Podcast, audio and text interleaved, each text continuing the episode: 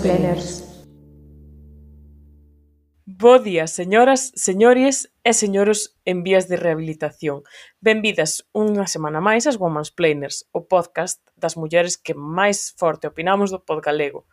E, como temos moita leria, imos continuar ca mesma temática da semana pasada, os móviles. Para iso, acompáñanme de novo a Antía. Hola, Antía, que tal? Hola, un placer repetir. E como non, tamén está por aquí a Balbada Profe.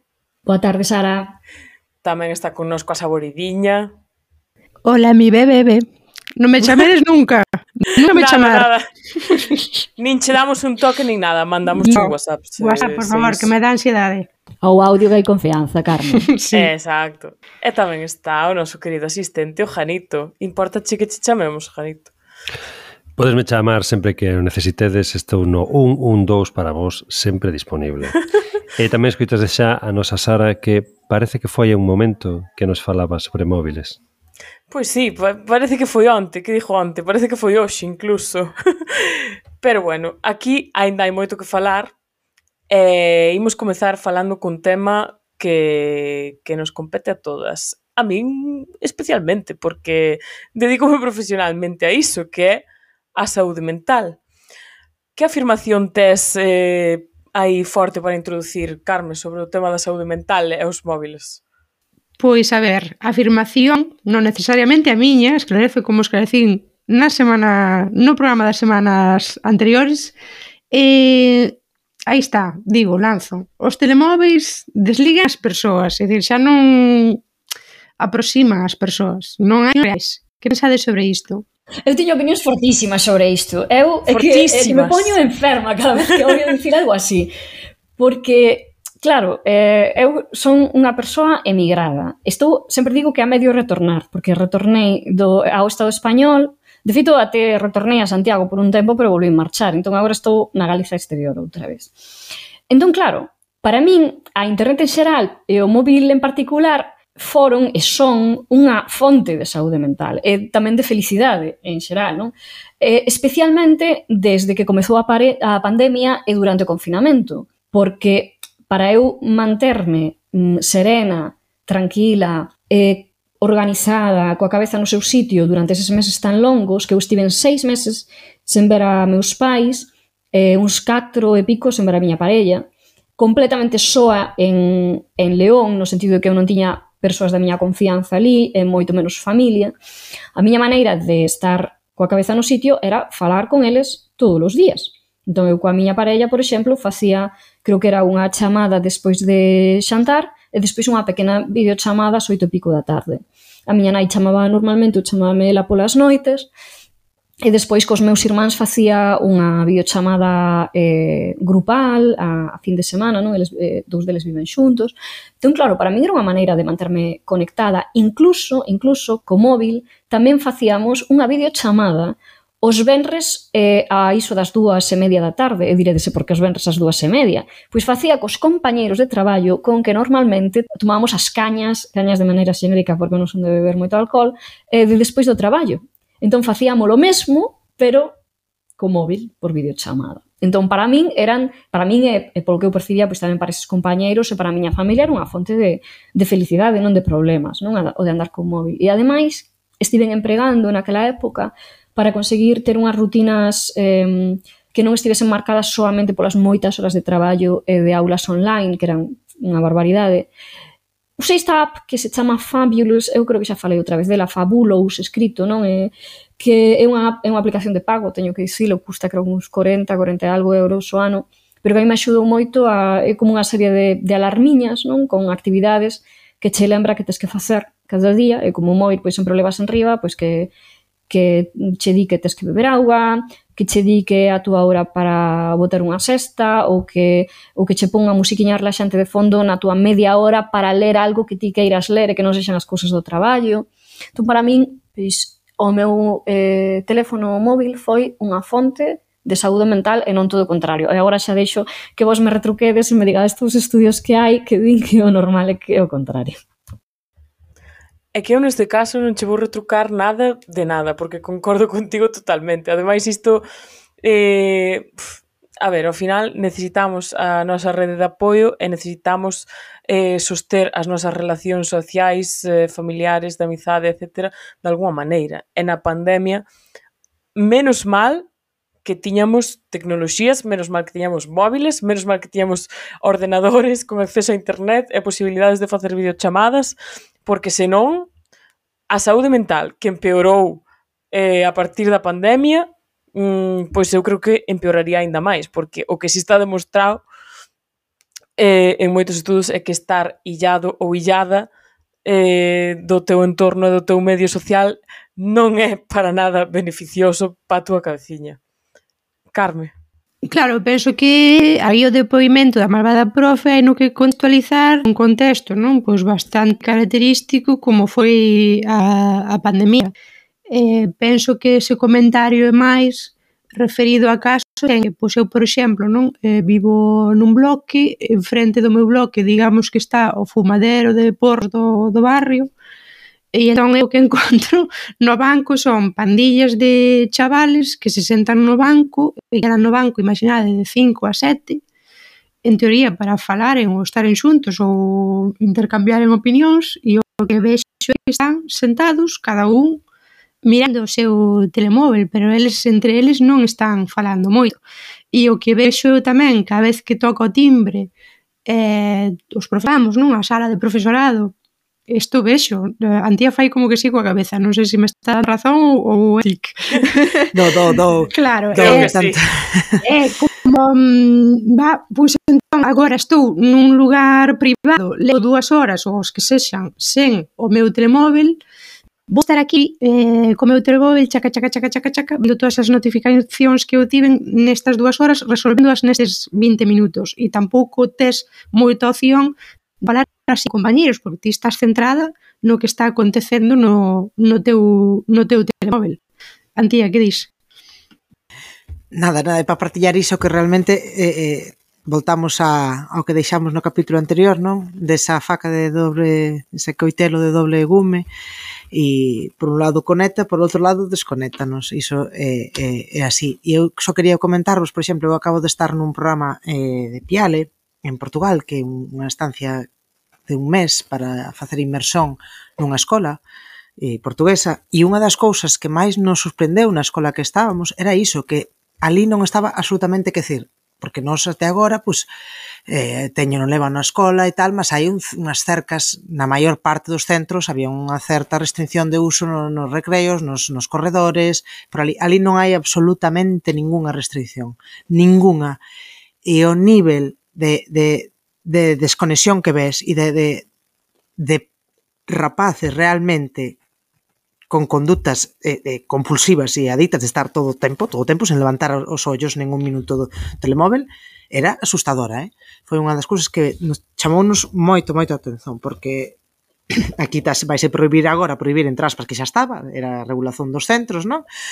Mas eh, que se vai por un poquinho máis dura, talvez, E é impresionante eh, o que o que a, o tempo que estaban todo o rato sen facer outra cousa máis collando o telemóvel. Nos descansos, entre aulas, na propia aula, que era in, in, in, sorprendíame moitísimo, estaban dando explicacións, facendo un exercicio e, e rapaciada co telemóvel. E ninguén lle dicía nada, eh? E a min iso chamoume moitísima atención, bueno, a min e os, e os colegas que fomos, non? É unha maneira non... de amansalos tamén, porque se están mirando o móvil non están interrumpindo a clase de outra maneira. É, é que eu penso claro. que era un pouco así, en plan, non me, non, non, mentre non me incomoden, mellor. Sí, non, como que eu fixen un Erasmus o ano, a unhas criaturas Erasmus tamén al, e o comentario con que elas viñeron non aquí a, a Compostela de volta foi ah, e deixaban os, os telemóveis. Tamén é certo que mm, a escola onde eu estaba, os rapaces tiñan outro carácter e, e tiñan máis regulación sobre si sí mesmos. Pero sí, sí, que, aquí tamén, eh? na miña tamén prende, sí. Vin, vin que entre o profesorado tampouco había moito debate de, non sei, no. a xente comentaba, sabedes que isto xa non tal? eh, na nosa escola e a xente dicía, ah, pero como? Entón, non sei, caíalle moito esquema de xa non podemos usar Kahoot. Sí. Eh, Janito, di. Janito. Perdode que, que tardara, pero estaba comendo unha maza. Pois aquí voltamos Estás. ao... Estaba. Aquí voltamos ao tema que falamos no episodio anterior, ou que falaba eu que comentaba sobre o tema anterior, sobre o tema de etiqueta. Para os adultos tamén é unha conducta habitual estar nun grupo de amizades tomando un café e que alguén teña o telemóvel e que non este atendendo a conversa. Nunha, nun, tomando café ou comendo en calquera momento. Isto é o mesmo nunha reunión de traballo. Nunha reunión de traballo, pois, así medio as agochadas, non? Pero estar estar nunha que alguén estea falando, que o resto estean pendentes do móvil e non atendendo, pois é unha conducta que non se dá só nos menores. Entón, é normal que eles reproduzan pois o que ven ou o que hai na sociedade. Eu sí que creo que isto é negativo non tanto polo efecto que ten en, en conexión ou desconexión, sino, bueno, por realmente unha falta de educación. Non? E eu son o primeiro, son o primeiro que, que falla aquí tamén, eh? pero bueno, creo que é algo que deberamos revisar. E sí que creo que afecta que afecta probablemente eh, a mí pareceme moi ben como ferramenta de conexión, eu son o primeiro que conecta tamén que conecta tamén con coñecidos e con amizades a través de internet, eh, pero probablemente eh, ou por menos eu lin isto algunha vez e pode que concorde, que moitas das relacións que temos con xente que coñecemos por internet son un pelín máis superficiais. Non todas, igual ao final é que estamos pedindo a internet cousas que non lle pedimos a relacións na vida real, porque na vida real tamén temos relacións máis profundas e máis superficiais. Moita da xente que temos eh, coa que temos relacións na vida real son xente na que falamos do tempo. Igual que eh, a xente que coa que falamos por internet. Se lle pasa algo grave a estas persoas non nos lo van contar non, ou non nos van convidar ao seu aniversario. Non? E, eh, pero, bueno, este tema, sendo como interesante, creo que podíamos pasar xa ao, ao, punto seguinte, non sei se, se queredes comentar algo sobre isto, se non pasou... Non, digo, eh, eso, só, só apuntar que son cousas diferentes, quero dicer, non? Unha persoa que coñeces a través da internet a persoas que xa coñeces e mantés o contacto a través de internet. Non sei se me perdín un momentiño na túa conversa, mas na, na, na, para min é diferente. Falo das dúas cousas. Claro. Falo das dúas cousas. É dicir, que sí que é máis superficial esa persoa que só a mellor coñeces a través da rede ou non. Non depende. necesariamente. Claro, non sei, depende. Claro. Mas na claro. miña na miña experiencia sí, son Mira, pues son máis Eu podo che poñer, podo che poñer un exemplo claro de xente de coñecer por internet que teño unha relación non, non, non somos irmáns ou irmás, pero eu coas gomas plenas as coñecín por internet. Sí. Claro. Eu teño grandes amizades feitas por internet. Claro, as boas pois estamos aquí e as veces que nos vimos en persoa podemos casi sí, contar sí. coas Vímonos 4 ou 5 veces, ou 6. E mantemos en, un eh, chat entre nós bastante activos. Claro, en 4 mm. anos vímonos de seguro que menos todo, de, eh? me, seguro que menos de 10 veces. Mm. en cambio temos unha relación bastante profunda, creo. E faramos mm falamos con moita máis confianza claro. con certeza que con moitos compañeiros de traballo que vemos todos os días sí. e que aínda non sabemos por onde nos veñen. Mm. E pola propia dinámica do podcast falamos de temas moi profundos, con certa frecuencia, mm, un pouco provocado por se, se a opinión delas sobre certas cousas que non sei de outra xente igual que vexo con frecuencia. Iso é verdade. Aí, claro, claro. Non parar, sí, non reflexionar. Non reflexionar, eu sobre nós mesmas eh, a respecto disto, ten razón. Eh? Os nosos escuros secretos. Ademais diso... A vos non vos pasa que moitas veces, porque eu teño pensado que digo, jo, teño amigas coas que me gustaría sentar e facer un woman explainers, non para gravalo, claro senón porque digo, ai, como me gustaría discutir disto coas miñas amigas de Santiago, non? Sentarmos aí tal, e falarmos deste tema con esta ou con aquela, e non o facemos. Sí. E despois hagamos falando así un pouco de banalidades do día a día, porque non, porque non tens esta, esta sensación de organización de imos documentarnos, de imos sentar, imos ter un guión eu para, eh, isto, para ir ordenando preguntas. Eu para isto ata son, ata son boomer para isto. Estaba botando contas e eu xa hai case 20 anos que me relaciono con xente por internet. Mamaiña dos primeiros chats de todos daqueles da, oh, daquelas no, como eran das non, listas que eran. Ese, xa eran... non te falo diso, xa non te falo do IRC. O IRC sería de antes. Hai 20 anos xa empezaban os blogs. Ah, tamén. No ano sí, 2005 con, con foi, a, foi, a explosión, foi a explosión dos blogs. E xente que, da comunidade dos comentarios, de a partir de aí, facían auténticas comunidades. Hai xente que coñecín aí, que ainda manteño relación con eles. Eu hai 17 anos que teño Facebook. Eh, coñecín wow. a xente, creo que teño algún amigo que coñecen por Facebook. Claro, pois é a entón... verdade que non teño moitas ami amizades, amiz que considero amizades, non por a través das redes. Eu teño algunhas, teño moitísimo, moitísimos coñecidos, algunha xente que realmente son amigos, sí incluso Momento para eh, saudar os amigos que fixemos sí, a través veña, da, momento, porque eu teño que saudar as mafiosas, senón mátanme. Hola, mafiosas. Un bico, un bico a Guille, que está en Haití, un bico a John Amil, sí, que é presidente da GAL. Pobriño, pobriño que é presidente da GAL. Lamentablemente. Pero bueno, xa deixando un momento para aproveitar a saudar a familia e os amigos, Eh, eh, outra, a seguinte afirmación que porque se, se non vai nos pasar como, como a semana pasada que dimos alongarnos moitísimo. A seguinte afirmación sería que os móviles empeoran os problemas de ansiedade e de, ou depresión que opinades sobre isto? Vou usar o comodín de Sara. Veña, comodín de Sara. A ver, relacionado con isto literalmente hai unha, non sei se chamarlle patoloxía, bueno, unha condición que se chama polas súas siglas en inglés FOMO, Fear of Missing Out. E iso é unha ansiedade incontrolable que tes de estar perdendo cousas que están sucedendo cada vez que non utilizas o móvil ou as redes sociais ou tendo polo menos acceso a un dispositivo móvil. E para moitas persoas isto chega a ser realmente grave de sentir eh, incluso síntomas físicos de ansiedade por non poder utilizar o móvil en según que contextos, pois non sei, eh, pode ocorrerseme unha viaxe longa en avión, por exemplo, na que estás mm, incomunicada nese sentido. Bueno, a non ser que ver que a tarifa de wifi dos propios avións, que agora xa hai en moitos tamén, pero xa, xa sería un extremo bastante bastante grave, non? Pero, mm, por outra parte... Ai, moito que non viaxe un avión, que xa me perdín ese... Pois sí, sí. Pois eu non sí sabía que hai. Bueno, eu sabía, claro, debe ser que eh, tamén... Eu, en plan cutre total. É que, é que non sei, realmente non sei moi ben como funciona, porque tampouco collo nunca, pero teño visto nos, nos asentos diante de escanea este código QR se queres eh, poder estar conectado durante a túa viaxe, non sei que. A verdade é que nunca o sei, ni sei como, nos, funciona, nos pero... Ou así, pero no tamén, avión, tamén no. nos buses, eh, non que, bueno, pa, pa, pa cotilla que é, eh, na resulta, claro, pues, non... Non sei se valera moito a pena, a verdade.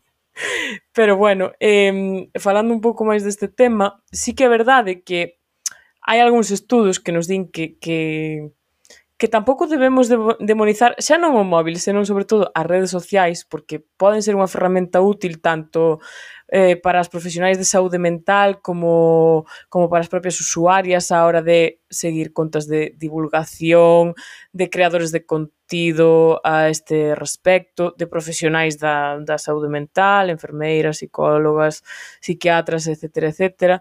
E tamén son útiles eh, para as relacións sociais, para persoas, ocórreseme, por exemplo, persoas que teñan eh, agorafobia ou mm, fobia social, etc. Quizáis para elas sexa máis sinxelo socializar a través de redes sociais, máis que un contacto tan directo. Pero bueno, sobre isto é que hai hai moitos melóns por abrir aínda. Eu, por exemplo, fixen o meu traballo de final de residencia sobre a relación entre a autoestima e o uso de redes sociais e o resultado en xeral sí que foi que as persoas cun nivel de autoestima máis baixo usaban máis tempo redes sociais como TikTok e Instagram. E había preguntas nas que nas que se lle preguntaba, non? Por exemplo, se tendían a compararse con persoas que elas ou eles admiraban de redes sociais e iso influía na súa autoestima e moitas persoas respondían que sí. Entón, dende logo, ten a súa parte negativa tamén. Eh, bueno, poño aquí a, a coletilla de que polo modelo de estudo que era, pois, relacións de causalidade non se podían sacar como tal, pero hai algo que, a, que apunta a que si influe, polo menos no tema da autoestima. Eu penso que no tema da ansiedade e da depresión tamén. Nunhas cousas positivamente, hai que dicilo, e noutras, pois para mal saboridiña.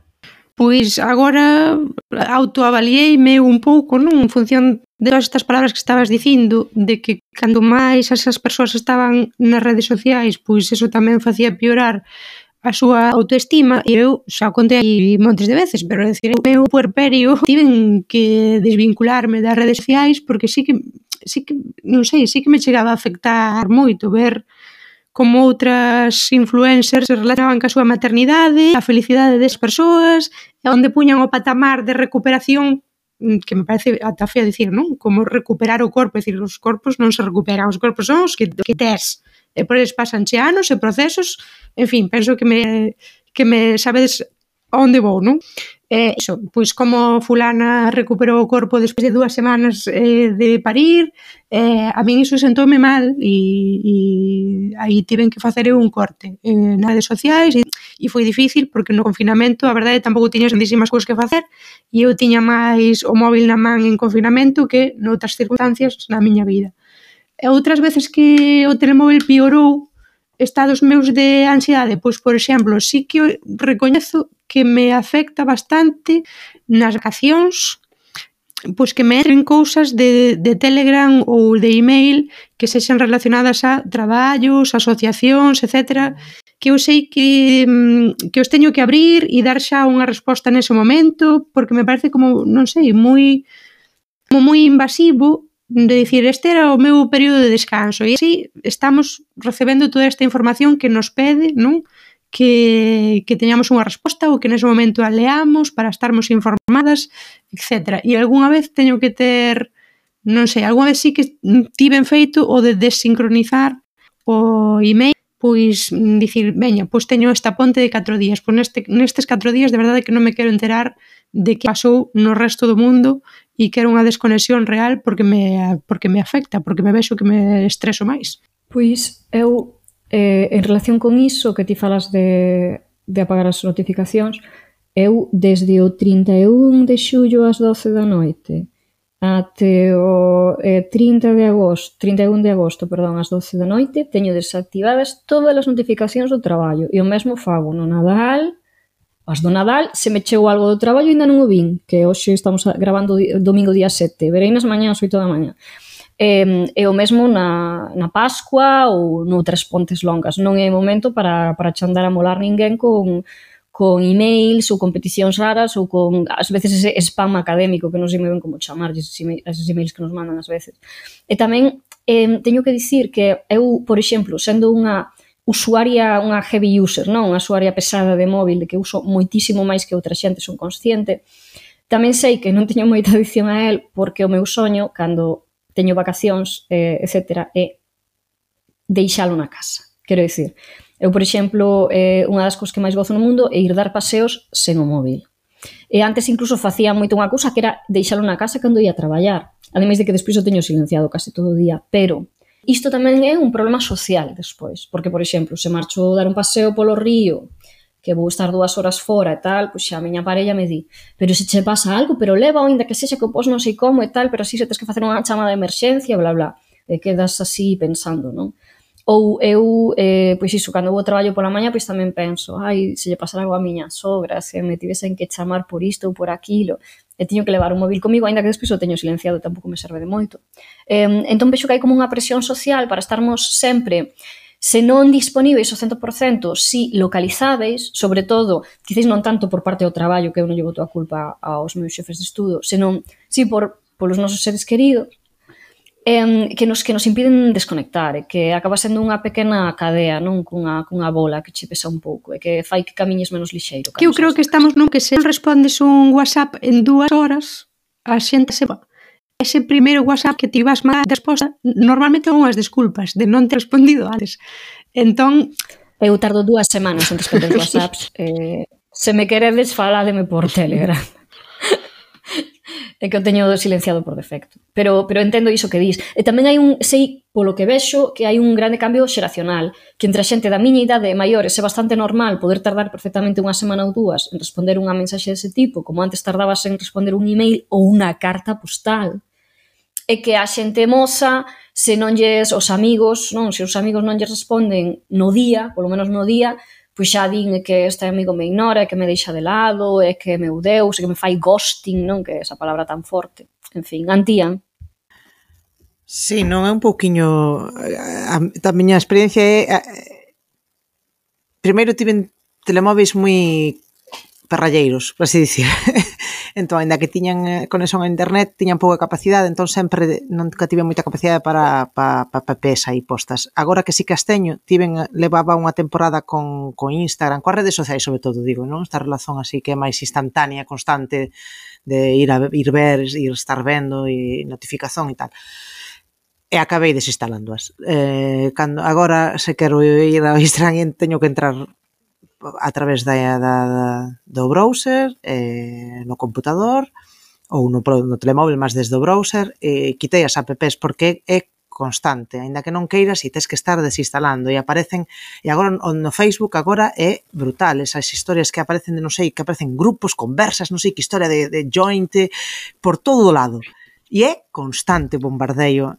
E, e, e eu bueno, uso no Facebook, moito Eu non sei se che pasou a ti, Andrea, ou, ou Antía, pero nestes dous meses levame, entre aspas, morrendo xente Eh, porque no, me dan notificacións no. de non sabes que lle pasou a fulano fulano que hai é unha persoa coa que nunca falo pero como un horrible sí. pasado engano tenes unha notificación Ay, no. e é como le, o sea, é sempre a mesma notificación de que mm, 15 persoas sempre con a mesma notificación morreron Mm, en diferentes Caramba, días. Caramba, no, ainda non cheguei a ese ponto, ainda ben. E digo, joder, no, de, no, eso. de verdade que, me, que ten tantas saudades miñas para, para fa, chegar a facerme aquí este... Claro, bueno, que vos vos o Facebook xa tedes un pouco atrás, non? Eu, eu foi a rede que máis utilicei, de fato a única que cheguei a comprender de como funcionaba. E Instagram non o entendo, o TikTok pareceme unha loucura porque é constante, é ver vídeo constante así un tras outro, pum, bum, bum, bum, que xa pércome e, e, e o X este novo bueno, este X ainda, ainda um, manipulei un poquinho máis estes últimos anos tamén por cuestións de, de asociación sobre todo e de divulgar cousas máis non, a única que cheguei a dominar ou estar máis enganchada, por así dicir, realmente eu fun o Facebook. Aí demostro a miña, a miña idade tamén, non? mas é, é constante. E é con todo. E todo ben por defeito con as notificacións activadas. E se non estás constantemente accedendo aos, aos, as configuracións de todo e desactivando iso, estaríamos cada eu creo que cada 10 segundos con algo que nos que, que, que sai do telemóvel para que pa, con atención, que decir das redes sociais, do da app do banco, da non sei que, da non sei cuánto, do outro de, do, do email que entra, do outro que é insoportável, insoportável para min mas, e iso que estou, eh? Eu estou cada dos por tres vendo o móvil tamén, mas que dizer, ese, ese pop-up constante como non vai crear ansiedade? Se estás a toda hora, é todo o día, toda hora, todo o día, bum, bum, bum, bum, bum, bum. E, bon, abro a da imaxe das redes sociais e todo iso, porque eu creo que sí que afecta moito as, as crianzas. non, os adolescentes, hoxe en día eu penso que sí que hai moita moita historia con iso, eh? eh, eh das redes sociais, de que imaxen, de como, de como proxectarse iso, porque no Facebook non era tanto foto, tiñas que escrever, agora Instagram é só foto e TikTok só vídeo, é, é todo iso, é o culto á imaxe total e absoluta, E para cumprir eses cánones, ou se non se están recoñecidos, eu creo que iso sí que crea moita ansiedade moita xente. E o de, bueno, isto tamén está estudiado, non? Sara saberá máis, eu non, non teño, non, non estudei nin vin os científicos, mas de, dos like desto tamén que te crea ansiedade, se tes ou non, se eres ver o recoñecimento que te dan os outros, non? O aceptazón por parte do outro, que xa non é na, na, na vida eh, de persoa a persoa, senón tamén digitalmente. Entón, bon, eu penso que iso está aumentando. Non vin datos comparativos, mas, mm, mas no 2021 a Organización Mundial da Saúde digo que non vin datos comparativos de hai 10 anos, por exemplo, ou 15, ou 15, non sei, 20 xa casi, non? De que non estarían tan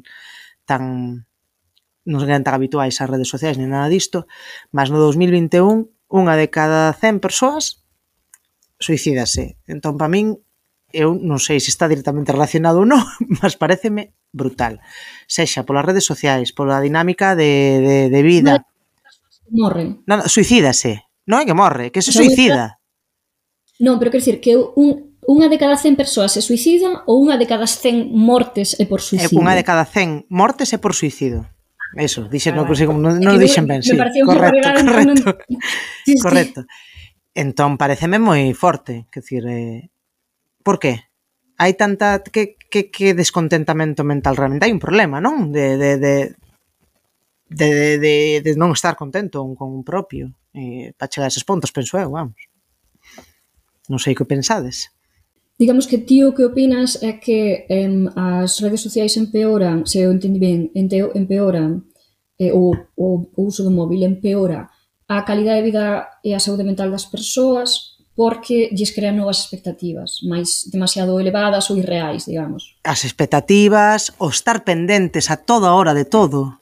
A ti agora tes un problema e chegache instantaneamente e tes que no, solucionalo. Polo estrés, polo estrés. Instantaneamente. Claro, non sei, que eu cando penso no dos adolescentes, por exemplo, non? Eh, lembro a, que é moi curioso acabar comparando isto sempre con outras tecnoloxías, pero que non podo evitar que me veña a memoria, non? Que unha, un, un dos argumentos para que non aprendesen a ler as clases populares, o, o proletariado, as mulleres, moitas veces tamén, etc., no século XIX, eh, tiña que ver con que eh, pensaban que iso os ia facer infelices, porque ian ter como acceso a unha información, eh, a un coñecemento e a uns estilos de vida que non eran os seus e que entón ian estar cada vez máis insatisfeitos coa súa propia vida. E claro, pois o que acontece co Instagram é o mesmo, de súpeto ti em, ves a casa da Kim Kardashian ou das influencers ou ves os vestidos que levan ou a comida que comen ou os viaxes que fan e se te comparas obviamente vas estar infeliz. O que pasa é que o, a insatisfacción é unha fonte de problemas de saúde mental ou pode ser tamén unha, un instrumento revolucionario na medida en que en que te fan consciente do mal repartido que está o mundo. Non sei, por retrucar, eh? Digo así, sí, sí, eh, tens razón. E penso que sí, mas tamén eh, eu penso que aí diches na, na chave eh, o da felicidade esa tamén constante, que parece que temos que estar no tope constante sempre da felicidade performando, sí. performando. Iso, iso é, é, que... é completamente irreal.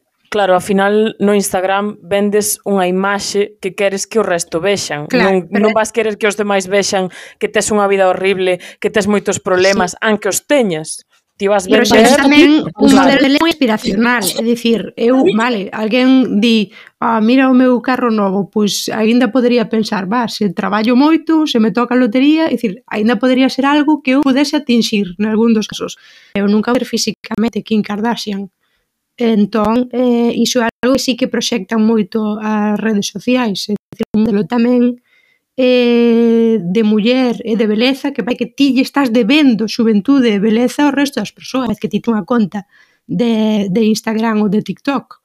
Non te podes presentar ali sen maquillar ou sendo bella ou con un xersei embolicado como teño agora. É dicir, tens que facer unha cousa performativa de ti mesma, dando o teu mellor e mesmo así non se estarás ao nivel do resto. Temos así máis ou menos o documento que fai o noso roteiro dividido como por blocos, entón agora é o momento de falar de, do telemóvel e das xeracións. É dicir, eu que estou en contacto con xeracións moi distintas a min pola miña profesión, Dirí que hai moitas xeracións que conseguen, digo conseguen porque eu teño unha relación coa administración moi mala, conseguen facer xestións administrativas no telemóvel, ata o punto que a veces que me poño eu que deparo a pensar, non? Se o computador non irá desaparecer tamén, que pensades? se continuaren a fabricar os telemóveis con a capacidade que están sendo desenvolvidos, probablemente. ou algunha ou un, un aparello inventarán un aparello intermedio entre computador e telemóvel, que xa os hai, non hai uns telemóveis desde que se dobran así un pouco. están están os tablets, non? Pero tablets non Tamén. conseguiron tampouco comer mm, mm. espazo mm. para o telemóvel, no. nem para o mm, en computador, non sei. Sara, que dis? A min pásame como a ti, Carme. Eh? Eu chego o momento de facer algo serio, escribir un correo importante, facer un trámite burocrático, eu teño que ir para o ordenador. No móvil non dou feito, porque é que é incómodo escribir aí na pantalla do móvil un texto moi longo ou se cadra encher un documento no que tes que marcar cadradiños ou tal para min é, é complicadísimo, eu vexo inviable. Eh, e, ademais, chamame moito a atención que xeracións de persoas máis novas que a min que se poden considerar eh, nativas digitais, que é un termo que en realidade só quer dicir que naceches cando xa había tecnoloxía porque non ten nada que ver ca capacidade que teñas para usar esas ferramentas tecnolóxicas. A min chocame moito que haxa persoas eh, moi novas, pois eso, facendo escribindo correos no móvil ou ou facendo algún trámite polo teléfono e despois se cadra mm, están en bacharelato e non saben facer unha presentación de PowerPoint, que eu xa podo dar o exemplo de miña irmá. A miña irmá pasaba iso, quero dicir, bueno, mm, que nazas ca tecnoloxía da man non quere dicir que vai a saber como utilizala, non?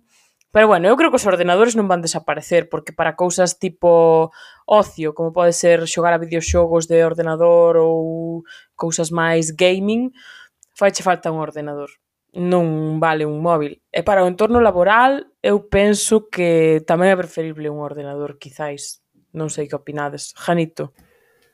Bueno, primeiro todo diría que é bastante arriscado facer pre, facer eh, prediccións, porque isto en calquera momento mm, dá unha volta e atopamos que o que pensábamos hai mm, seis meses é completamente distinto ao que vai pasar entre outros seis, non? De entrada eu diría, diferenciaría entre o que son os ordenadores persoais, que creo que do que estamos falando aquí, co que son os ordenadores de verdade. Porque os ordenadores de verdade van seguir existindo. Internet está nos ordenadores, non está en tablets nin está en móviles. Cira, hai uns ordenadores en California, en Suiza ou, ou en Nagrela que están aí conectados a internet e aí onde está internet. Deixando iso aparte, do que son os ordenadores, os ordenadores de, da casa, Eu no, no traballo, durante un tempo tiven un, unha tablet que se conectaba a un dock e que despois aí pois tiña todo típico tipo de periféricos que temos nun ordenador. Tiña teclado, tiña rato, tiña outro tipo de cosas, pero a pantalla era táctil e, bueno, e podía levar dun sitio para outro. Agora volvo a ter un portátil. A potencia que teñen os portátiles agora mesmo aínda é superior a que normalmente teñen as, as, as tablets. Sobre o tema de xogar, eu non diría que van durar tantos ordenadores para xogar, porque xa están facendo experimentos para xogar na nube. Os de Amazon teñen isto de Luna, que ti non xogas no, na túa consola, xogas nun ordenador que está en outro sitio. Entón xogas na tele. Que vai pasar cos, cos aparellos? Eu non, non sei, eu creo que vamos, o que vamos ver son distintos dispositivos de visualización, pois non sei se serán lentes, se serán proxectores, serán pantallas grandes, non, non, non teña nin a menor idea do que vai pasar pero non creo que sexan directamente os móviles. Non sei eu se imos levar un dispositivo que teña unha pantalla tan grande como para usala para certas cosas para as que necesitamos unha pantalla máis grande. O teclado, aínda co recoñecemento de voz das inteligencias artificiais, eu creo que aínda non é tan perfecto como para sustituir para todos os teclados. Entón, non sei eu se, se os móviles van facer desaparecer para todo os ordenadores. Para o día a día, facer xestións eh, no banco ou faces xestións coa administración e tal e cual usar o móvil ou o ordenador? Eu creo que depende de cada momento, depende onde esteas, pero normalmente eu creo que vence a comodidade de usar o ordenador se estás na casa, vence a posibilidade de facer no móvil. Eu aínda outro día tive que facer unha xestión e ao final acabei meténdome no ordenador porque no móvil non daba feito. Entón, bueno, non sei se é unha cuestión de usabilidade ou que. Sabrediña. E a presbicia. Tamén, eso a presbicia era, tamén. Eso non era. Eso non era, porque a presbicia xa cos lentes e coa miopía compenso. Unha cousa mata a outra. Unha cousa mata a outra.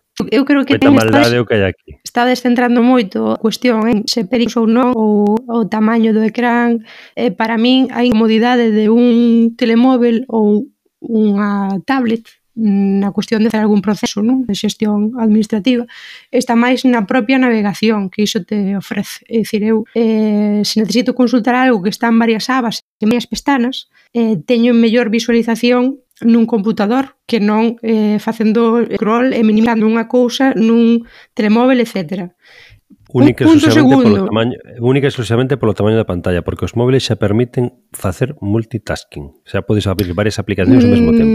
O que pasa que a pantalla é moi poño, pequena. Poño un exemplo claro que era o que ia agora dicir. É dicir, Aí sí que, hai, sí que afecta a presbicia, eh? Hmm. Aí, aí sí que afecta a presbicia. Eh, por exemplo, no meu traballo, dependemos de tantas cousas de, da Consellería de Educación, pois, por exemplo, o email corporativo, eh, o xade, que non sei se a xente toda sabe que o xade, pero é o sistema onde a xente fai un seguimento das faltas, onde se colocan as notas, eh, algúns outros avisos, etc. O avalar, que tamén hai avalar móvil, pero bastante porquería, é dicir, eh, todas esas serie de aplicacións web que a Consellería de Educación fai non nas fixo adaptadas a unha usabilidade no telemóvel. Entón, eu para responder un correo de traballo, pois moitas veces teño que prender o, o computador, porque non, non teño moito xeito para, por exemplo, colocar unha falta de asistencia que alguén tivo hoxe e non me lembrei, pois a través do telemóvel demoro moito, porque a xunta non fixo cousas adaptadas. Entón, no meu caso, creo que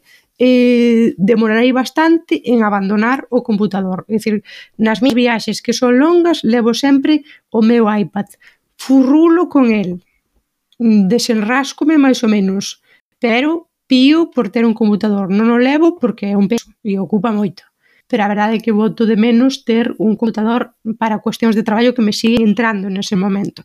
Ou seja, non son capaz de proxectar unha unidade didáctica no meu telemóvel. Teño que ter Mm, varias abas abertas, ver os recursos todos que teño e a partir de aí Eu fago fichas de traballo. A facer unhas fichas de traballo, a facer no, Canva, un Genially, o que sexa que queres, mm, teño que facer no computador porque hai unha serie de ferramentas que eu uso no meu día a día que non están adaptadas ao telemóvel. Eu non me vexo facendo o concurso xeral de traslados, coa ansiedade que me dá iso, con todos os códigos que hai que meter e o pouco intuitivo que é nun telemóvel, de momento. Entón, a que isto to mude ao meu redor, eu computador. Eu non o, fa, non o faría o concurso xeral de traslados porque eh, porque moi pouco a, a web é moi pouco amable para o usuario, pero teño que dicir que son culpable de facer os dous últimos anos a, a declaración da renda no móvil, porque aí sí que era moi doado, e no meu caso non hai prácticamente máis que meter un par de datos e eh, ace darlle a aceptar, e si que fixen, sí, sí, sí. Eu, uh, como dicir... Eres unha valente. Eh, con a app, con a app que disponibiliza a Facenda. Caramba. Mamma mía. Pois eu, Mamma eh, mía. Voltando ao asunto do concurso xeral de traslados para que vexades, como diría a malvada profe, di ben que é moi pouco intuitivo, é dicir, teño que facer toda esa serie de xestións con videotutoriais de Pablo Antonio Rodríguez Vila. Pablo, mm, grazas por existir, porque de verdade que me eliminas 50% da miña xedade, o resto ti xa non tes responsabilidade niso, que podo animar, pero eu son incapaz de facelo. É dicir, se non é explicándomo con un videotutorial unha terceira persoa, ou seja, que a xunta mm, terá entón tamén que autoavaliarse e dicir non o estou facendo ben, porque alguén externo a nós necesita explicarlle isto a persoas que alegadamente unha licenciatura xa teñen que ter e pasar un proceso selectivo tamén. Entón algo falla. Entón, pacando máis que me pidan facer aquilo con un telemóvel non se dá, non se dá. Si, sí, eu concordo coa Carme, mas realmente a, a, a tendencia parece que é que vayamos facendo cada vez máis cousas co telemóvel, non? Iso cada vez máis, máis, máis. Ahora paja co telemóvel, ahora cita no tele, co médico e con todo no telemóvel, iso hai a As notas, aplicativos, no? notas, as notas no telemóvel. Os chavales. Sí, sí.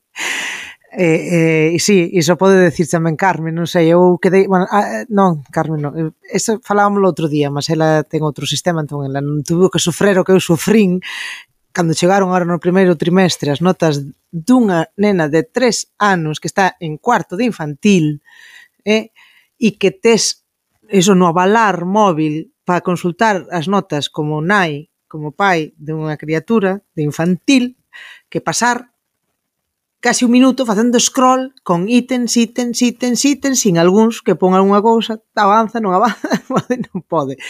Eh, eu creo que estamos perdendo un pouco o norte con moitas destas cousas. Porque ao final, en vez de intuitivas é iso, deixan de selo, son completamente en, máis confusas que outra cousa. Eu a respecto do tema do, do tema do, do móvil que falades, eu hai moitísimas cousas que a pesar do que no meu traballo traballar só co móvil sería imposible de todo punto, absolutamente imposible. Quer dizer, eu non podo prescindir do ordenador porque un traballo no que se manexan datos de moitísima xente distinta eh, simultaneamente ás veces, entón imposible non usar o ordenador e depender da pantalla do, da pantalla móvil, imposible pero sí que é certo que hai moitas hai moitas cousas nas que nas que sí que se están metendo no, no móvil para que a xente pode traballar en mobilidade. De feito, eso por iso meteran o tema das tablets. Pero non podo traballar sen ordenador, vamos. Perdón, María. Sí, eh, outro tema relacionado coa relacionado coas diferenzas entre xeracións no uso dos móviles é com que os códigos QR, as apps, etc., que fan que a xente máis bella teña que aprender unha che de cousas novas e que se non as aprenden que acaban pois ficando fora da sociedade. Que opinades disto? Eu completamente de acordo. Pásalle, o que dicir, na, na miña familia tes exemplos, non? De pais, nais, avós, que non que non se, non se desenvolven co telemóvel, van aprendendo moi pouco a pouco a usar unha cousa, usar outra, pero xa non lles pidas ter que nin por moi intuitivo que sexa, eh? non, lles, non lles pides que teñen que facer moita cousa a partir de aí porque non non aturullanse, polo menos a, na miña experiencia, eh? os que teño a, a volta a maior parte da xente aturullanse, demais de e eu xa son bella tamén neste caso, non para iso, mas dos que teñen 20 anos máis que a min, aturullanse con todo. Carmen, Creo que dices que iso vai máis alá dos propios telemóveis, porque tamén se se está pedindo que dean de alta, dean de baixa moitas cousas a través de internet, xa non só do telemóvel, eh? de, a través de internet, de eh, quero abrir unha conta bancaria, hai que pedir cita no banco mm. a través de internet.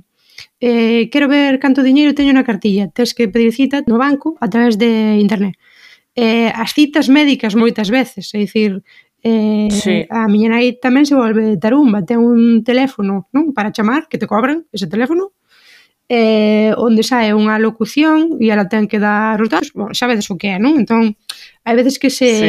pon nerviosa porque, o que sei, a locución, por exemplo, di eh, é vostede dona tal, tal, tal? E a miña, a miña nai responde son.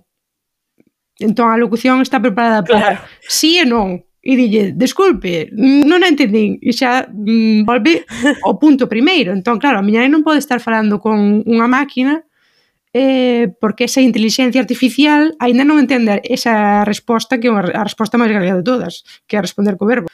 Eh, entón mm, termina por me dicir mira, vai a internet, colleme a min a cita porque eu nin sequera presentemente podo ir ao centro de saúde e marcar cando quero me vexo ao médico porque xa, unha, porque xa non é posible e en segundo lugar porque a miña nai ten problemas de mobilidade entón teria que ter que facer eso ten que facer eso a distancia sempre, non? pero algo que a través do teléfono era non é capaz de resolver grande parte dos casos eh, para outras cuestións que lle pasou tamén de dar baixa unha liña telefónica, pois tamén lle pedían certas cousas, certas xestións que ela mesma teria que resolver por internet unha señora que nunca, ou sea, xa non sei, dixe que é Mozilla e diráche pois, é, con sorte dixe que é un monstro xaponés que sai e é grandísimo e, der, e derruba cousas con grandísima sorte se relaciona con iso claro. eh, pero o sea, xa nada máis é dicir, estamos falando dunha señora que mm, que me dixo hai dous anos que agora instauraran o día de Frida. E eu dixen, día de Frida, dixo, o día de va Frida e era o día de Black Friday. Entón, ela pensaba que instauraron un, un día de Frida Kahlo. Entón, hai cosas que llevan demasiado depresa e isto con internet e telemóveis sí. son a unha velocidade pois devastadora eh, e ela non é capaz de asumir e como ela tanta outra xente que está nesa caixa etaria. Eu aquí quería comentar dúas cousas distintas. A primeira é sobre que entendemos por xente maior, que aí sí que dou a razón en algunhas cousas para según que xente. A nai de Saboridiña é unha señora maior. Alguén que ten 60 anos, 65 anos, é unha persoa maior, de verdade alguén que tiña 50 anos ou que tiña 40 anos cando botou a andar a internet é unha persoa maior. Dizer, hai xente que... Eh, Juan, a miña nai ten 64 anos e ten móvil desde 2021, creo. Eh? A, a, a miña caso... desde 2022, creo. Na. Pois, sí. o, voso, no, o caso das vosas nais é moi peculiar, pero hai xente que se amaña, tanto, que se amaña fenomenal dúas, para algunhas cousas e non se amaña para outras. Bueno, hai de entón, todo. Es claro, entón a xente amañase ás veces para o que quere e para o que non. Pero bueno, eu mm, ao caso Eso é verdade, dou fe. Home, a miña amañase porque é, é unha persoa inteligente, entón cando quere facer algo pois aprende, pero desde logo non porque non porque leve desde os 40 ou 50 anos son internet como distía. Vale. Eh? De todas formas, despois aquí entra outro tema que varios temas mesturados que son o tema da desintermediación e un tema de expectativas. Antes non existía internet e por narices había que ir aos sitios, agarrar unha quenda, pedir día no traballo, para facer cousas como dar de alta luz, dar de baixa luz ou ese tipo de cousas, ou ir ao banco. Antes tiñas que desplazarte. E en, en Padrón igual había, pero vamos, a 5 5 cinco kilómetros de Padrón non había non había oficina de gas natural, nin de Fenosa, nin do que fora. Igual non había nin en Padrón, non o sei. Igual tiña que ir a Santiago ou a Pontevedra onde fora. Entón, nas cidades agora hai probablemente menos servizo. Nos lugares rurais, de algunhas cosas e de outras non. Sí que é certo que os bancos, por exemplo, están pechando nos lugares máis pequenos e antes tiñan oficina. Entón, os bancos sí que son unha cosa que ten menos servizo. Pero outro tipo de empresas Agora ten máis, porque ten a posibilidad de facer por internet e había que desplazarse. Hai outra historia máis. O banco máis valorado por en España é un banco que non tiña oficinas físicas ata aí pouco. Non tiña, tiña unha oficina en Madrid. Entón, claro, o resto do banco dixeron para que nos valoren os nosos clientes non hai que ter oficinas. Claro, era mentira. Non é certo que os clientes non queiran oficina. Os clientes dese banco non querían oficina. E eran os que mellor valoraban o banco. Pero isto dixeron, bueno, se podo aforrarme o gasto de ter a oficina, pois pecho as oficinas. Pois toda a xente pode facer por internet. E sí que é certo que agora podense facerse con máis facilidade por internet. Tamén hai unha historia engadida aquí, que todo este fraude que hai agora por internet, cos bancos e tal e cual, débese que agora a xente fai as cousas eles sós e non tin que ir á oficina a facelo. Que decir, se ti, se ti podenche mandar unha se ti podenche mandar un, un, un enlace para que lle deas aí, mandas por Bizum cartos, Claro, eso antes non o poderías facer. Antes tiras que ir ao banco, mandar unha transferencia, chegaballe dous días despois, non sei que, tiñas que asinarlle ali, decille pa que era, que decir, máis complicado que te estafaran. Agora é máis fácil. Tamén é máis fácil comprarse un billete de avión, non? Ou vender por Wallapop e cobrar por Wallapop. Todo ten a súa parte boa e a súa parte mala. Pero o que sí que é certo que a xente bella ou a xente maior está totalmente fora de xogo porque non chegan ao nivel, xa, xa lle custa a xente máis nova, porque a xente a que lle estafan por Bizum e todas estas cousas, normalmente non son xente de 70 anos. Son xente mm. de 20, de 30, de 40 anos que son a xente que a utiliza. Sí. Chegalle, chega unha petición de cartos e din, ai, é que Eh, eh, pero en vez de mandarme 25 euros, pedíchesme 250. Ai, sí, foi un erro. Nada, faino outra vez aí que xa mos devolves. Pero cobraches outra vez 250. Ai, sí, bueno, chao. E xa perdeu 500 euros. Ainda saía esta semana un caso eh, duns que incluso conseguiran uns estafadores que conseguiran clonar o número de teléfono da oficina bancaria da vítima, eh, que era unha persoa sí, de mediana idade, moito. Sí. moito, entendemos que, bueno, con, con moito bo uso das, das aplicacións e demais, que incluso, claro, que chamara ao número de teléfono da súa propia, teóricamente, do que era a súa a súa oficina bancaria para... Momento de divulgación. Se chaman a alguén. Estas, estas historias sempre nos fan. Sempre incluen urxencia, vale? O tema dos fraudes sempre incluen alguén que te chama con urxencia, vai pasar algo moi grave, e imos solucionalo agora. Tens que solucionalo comigo, porque senón algo moi malo vai pasarte. Poden ser infinitas cousas. Entón, isto imos solucionalo da seguinte maneira eu vou che mandar uns códigos, ou poden facer de distintas maneiras, pero normalmente eu vou che mandar uns códigos, ti tes que mm, responderme cos códigos, eu inicio aquí unhas historias, e ti dasme eses códigos e con isto solucionamos o tema. Imos cambiarche algo, vai pasar algo que vai solucionar o teu problema. Entón, a víctima cae na trampa e vai aceptando claves que lle mandan o seu o suposto señor do banco. Entón vai aceptando e vai aceptando pagos. O que vai aceptando é mandar os cartos e que lle valeren a conta. Entón, que hai que facer nestes casos? Coñezo a persoa coa que estou falando? Non. Pois entón, recibo información que me dá, pero non lle dou información. Nunca dou as miñas claves e nunca acepto nada. O que teño que facer é, vale, perfecto, vou consultar algo, se estamos en horario de oficina, chamos a nosa oficina, o banco, co que traballamos habitualmente, ou a persoa que teñamos de referencia no banco, se hai esa persoa. Que non se pode contactar? Pois nos desplazamos porque estamos no momento que nos poden roubar cartos, é algo importante ou algo hai que contactar co banco. Ou se non chamamos o teléfono de atención, pero chamamos nos o teléfono de atención, non que nos chame o teléfono de atención a nos. Porque se nos chama alguén que non coñecemos de nada, sobre todo se está en horario de traballo, é moi raro que non nos chame alguén que pois echa da nosa oficina ou algo. É dicir, se eu teño oficina en Padrón, chamarame alguén de Padrón. Non vai chamar alguén pois de Madrid ou de onde sexa. Se me chama tal, pois xa lles devolverei a chamada. Eso que hai que facer. É dicir, Canta máis prisa teñan eles, menos prisa teño eu. Pero era o que facía este tipo, este tipo devolvía a chamada, este tío colgaba, decía, mira, non che importa que che colgue para comprobar, non, non, non pasa nada, el googleaba o número de teléfono para comprobar que efectivamente era da súa eh, oficina bancaria, despois chamaba ese mesmo número, devolvía a chamada, E resulta que non, non era o mesmo número de teléfono. O sea, xa, aparentemente sí, pero estaba chamando uns estafadores. Era. Incluso conseguiran clonar, creo que, o, o sinal de agarda de, pues, o que fose, non? De, de, que non lembro que banco era, coa BBVA ou o que for. Normalmente o que pasa é que ti no identificador, tío, que o número dende que te están chamando aparece como que é o teléfono do banco.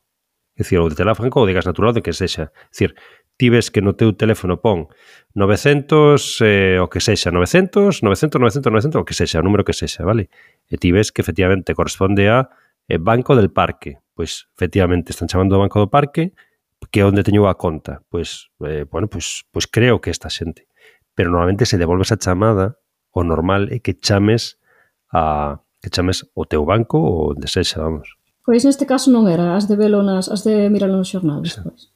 Bueno, imos coas dicas, que vos parece? Dalle. ben, vou ser breve, porque teño unha, dúas, tres.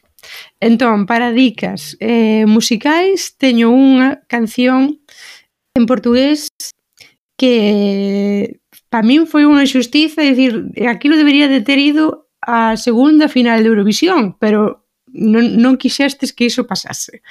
Entón, eh, Conan Iris ficou fora do festival porque xa perdeu na, na primeira semi e non puido representar a Portugal en nesa edición que había en Tel Aviv, que xa non, ni, ni se debería ter celebrado, entón non sei, tal vez foi mellor así, non sei que dicirvos.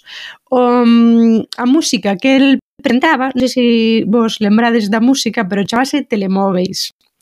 E ten unha letra para min super profunda. Eu creo que aínda non Era precioso. Aínda non estábamos preparadas para isto. Foi como demasiado avanzado a súa época eh, na estética eh, na encenación que el facía tamén no escenario. Entón creo que a xente dixo, ui, que fricada, non queremos saber nada, pero a letra, aquilo é para escoitarse e prestar atención, porque fala como dunha certa chama, comeza como dicindo que el partiu o telemóvel a tentar a tentar llegar pro ceo, é dicir, mmm, xa é algo así bastante profundo e continúa sendo profundo, mantén ese nivel eh, ao longo de toda a música. De verdade que tedes que escoitalo e, e apreciar cada palabra que aí se di. Eh, des, non é ben unha canción sobre telemóveis, pero ninguén dixo que non vale sobre teléfonos, porque, por exemplo, a miña aí está enganchadísima ao teléfono fixo, é dicir, eh, non temos conversación na casa porque ela está falando polo teléfono fixo.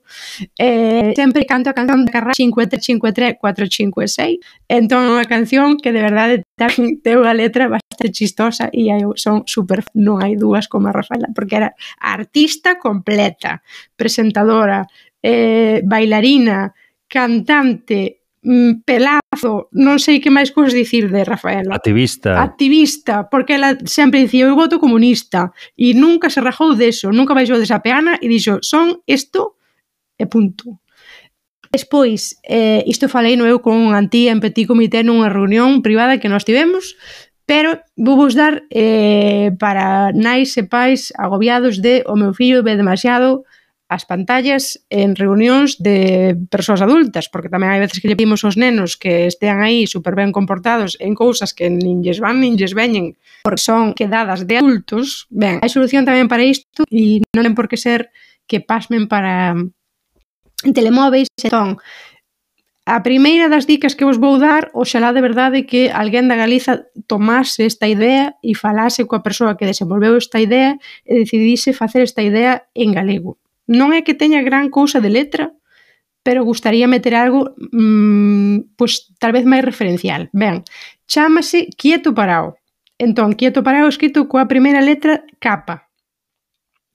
Eh, se entrades na web deste produto, pois é unha nai que tamén tiña un pouco esta queixa, non, de que os nenos estaban moito pasmando para os telemóveis cando iban a restaurantes ou outra, outras actividades de máis adultos, entón decidiu agora vou parecer como un árbol, decidiu meter en 20 gramos de peso a maior cantidade de xogos de mesa posibles. Entón é como unha especie de sobreciño de, de tea onde eu, por exemplo, teño o xogo do Nim, pequeno Tangram, eh, trucos de origami, eh, lápis de colorir máis un bloco, un dominó, Mm, un, un parchís, un par, había un parchís, eh, escalei, eh, como se chama isto? Escaleiras e eh, serpentes, non? Es, sí. Algo así. Eh, non me lembro que máis tiño ou teño, pero de verdade que é algo que compensa muitísimo comprar. Compraino como sempre en Vintez a un precio bastante máis módico e reciclando pero teño en perfecto estado e son 20 gramos de peso que che caben e aquilo tan pequeno que chegaba en calquera mochila e é ideal. O pé disto, teño aí outro consello que se chama Yuppie Bag, que me gusta, pero xa non me gusta tanto, que é como unha especie de mochila desa mochila de concertos. Entón aí o propio neno ou nena ten que carregar coas súas cousas e podes ver na web que queres que teña dentro a túa Yuppie Bag. Pois queres que lle meta Eh, lápiz de colorir, si, sí, non. Queres que lle meta un tangram, si, sí, non. Aí xa mm, deseñas ti un pouco máis. Pero vamos, creo que son dúas ideas que se de verdade, a ver, vou lanzar en directas. Se centros sociais da Galiza copiasen, porque creo que non custa moito a manufactura diso todo, eh, habería moitas familias, por exemplo, a miña, que estarían encantadas de telo en galego. Alguén ten máis Sí, eu quería recomendar unha cousa, bueno, unha, unha, unha serie que hai, xa ten, xa ten uns anos, que me chamara a atención no seu momento pola forma que tiña de empregar os teléfonos móviles, que é a serie de Sherlock da, da BBC, a serie que, que, que producía Steven Moffat, que estaba protagonizada por Benedict Cumberbatch e Martin Freeman, porque introducía os teléfonos móviles dentro da acción e parecíame que respectaba moito o espírito da, da, dos libros orixinais nas que daquela o que se, o que se introducía pois era o tren, que era algo así moi moderno, ou os telegramas, que decir, un, era unha serie, o sea, unha serie de libros daquela moi do seu tempo, penso, que utilizaba os avances técnicos do momento, e parece a min que a forma na que introducían o teléfono móvil nas, nas primeiros eh, eh, episodios, polo menos, era así como, bueno, estaba bastante bastante acaído, non? Entón, bueno, si pensando en teléfonos móviles. E despois outra recomendación que quería facer é mm, recomendarle a xente que se atreva a facer cousas co móvil. O móvil é unha cámara moi boa, normalmente, ten un micro moi bo, normalmente, e ten unha capacidade de proceso bastante boa, normalmente. Entón, que se animen a facer as súas cousas. Pois, podes facer un podcast cun, cun móvil, evidentemente as contas de TikTok fanse normalmente con móviles, Pero bueno, non estou animando tanto a xente que ten 20 ou, ou 15 anos ou 25 anos que esa xente xa está de volta, senón a xente máis da miña quinta, que ten 50 ou máis anos, 50, 60 anos, que se anime a crear pequenos contidos para, para redes, sobre todo se fan en galego, claro, se son, se son xente que escoitas women's planers e queren facer contidos en galego, pois bueno, pois que compartan as súas experiencias usando unha ferramenta excelente que teñen no peto que é o seu teléfono móvil. Antía. Mm, pois eu sou na liña un pouco máis de, de precavida e de antiga neste, neste, neste podcast, non? Quero darvos a, a posibilidade de quen estexa interesado e que, que, que interesada, quen queira informarse e tomar un poquinho máis de cuidado con o que, todo o que supón un telemóvel para os, as crianzas, que ser para que teñamos cuidado da, da ferramenta que estamos colocando colocando nas maus das nosos fillos e fillas, pois estáse creando un, hai unha rede que está falando que se chama Galicia Adolescencia Libre de Smartphones, onde podedes ter montes de información. Hai grupos, eh, familias que están encontrando para falar, para intercambiar información, para, eh, pois iso, ver que cousas son beneficiosas, poden ser boas para, para os seus fillos e cales non a través desta, desta ferramenta que temos todos e todas agora nas nosas mans. E tamén eh, eh que poden ler a Antonio Rial ou Arturo Bejar, artigos que hai por aí por internet que poden buscar para ese contraponto de por que pode ser un pouco prexudicial colocar a un neno de nove anos con esta ferramenta xa na mão de maneira totalmente libre, sen control, sen estar acompañando, sen estar con eles. Eh, eh, por qué? Porque smartphone, é que xa di a palabra, smartphone, sí? Nos decimos, levamos dicindo chamando telemóvel, telemóvel, mas a palabra originaria en inglés é smartphone. Entón, tal vez esa intelixencia na nosa man que non sexa máis inteligente que nos mesmos, nos, nos eh, e os nosos fillos e que podamos nos dominar a ela e non que ela nos domina a nos. E por último, pois bailade tamén con o telefone tocou novamente do Jorge Benjor, que é unha música ben con, ben alegre e bailonga, máis nada, non ten letra de, de, interesante de nada, pero va para bailar moito. e obrigada. Pois eu, eh, collendo esta última idea de ter un aparello moi intelixente na man, vou facer unha, unha única dica. Eh, pensando nunha pregunta que facía hoxe o noso amigo Dani Conde, presidente do Club Can de Palleiro, no, no Twitter, a quen lle gusta tamén ir mirar paxaros, como a min, eh, a máis xente deste podcast. Eh, preguntaba que aplicacións eran boas para faceres pois unha lista de, dos paxaros que vas vendo, etc. Entón eu recomendei dúas que fan moito máis. Unha chamase eh, Merlin ou Merlin, Eh, de feito, eu teño que dicir que a mí me recomendou no seu momento Janito, se non lembro mal, e ademais teño instalada tamén unha, creo que unha extensión desa que se chama eBird, E esta aplicación eh, serveche para cando levas, non deixas o móvil na casa e vas dar ese paseo polo río.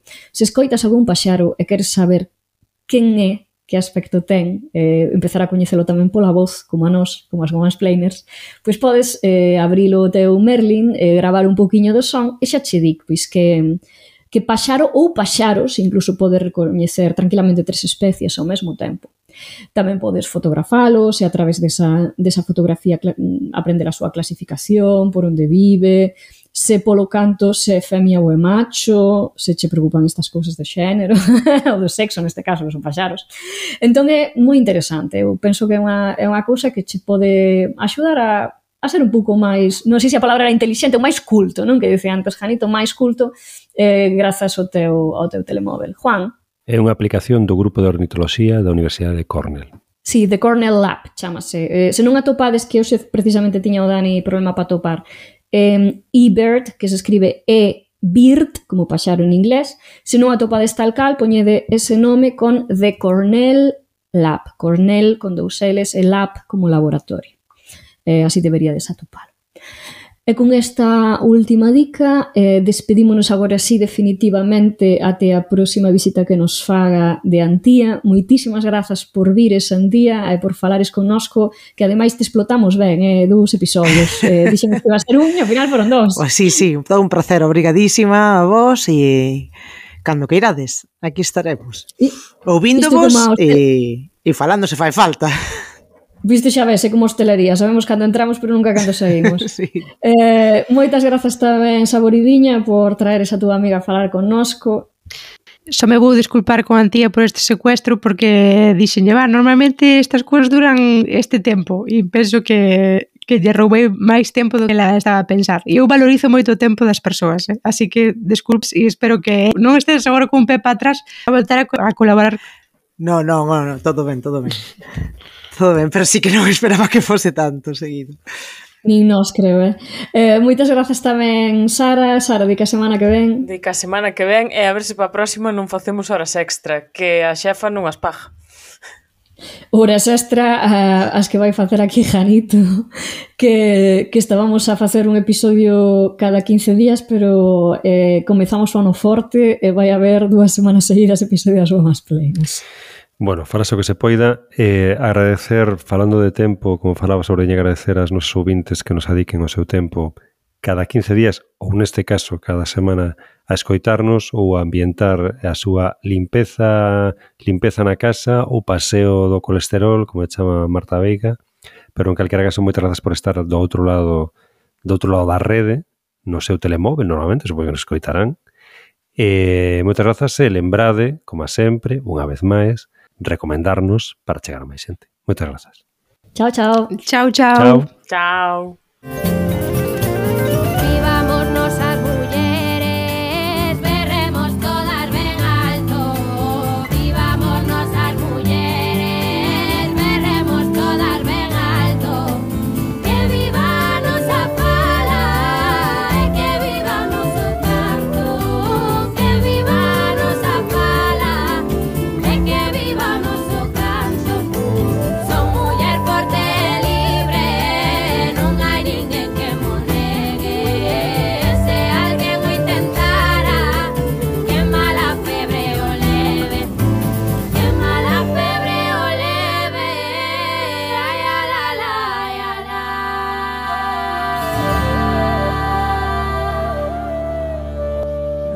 Somos las Women's Planners.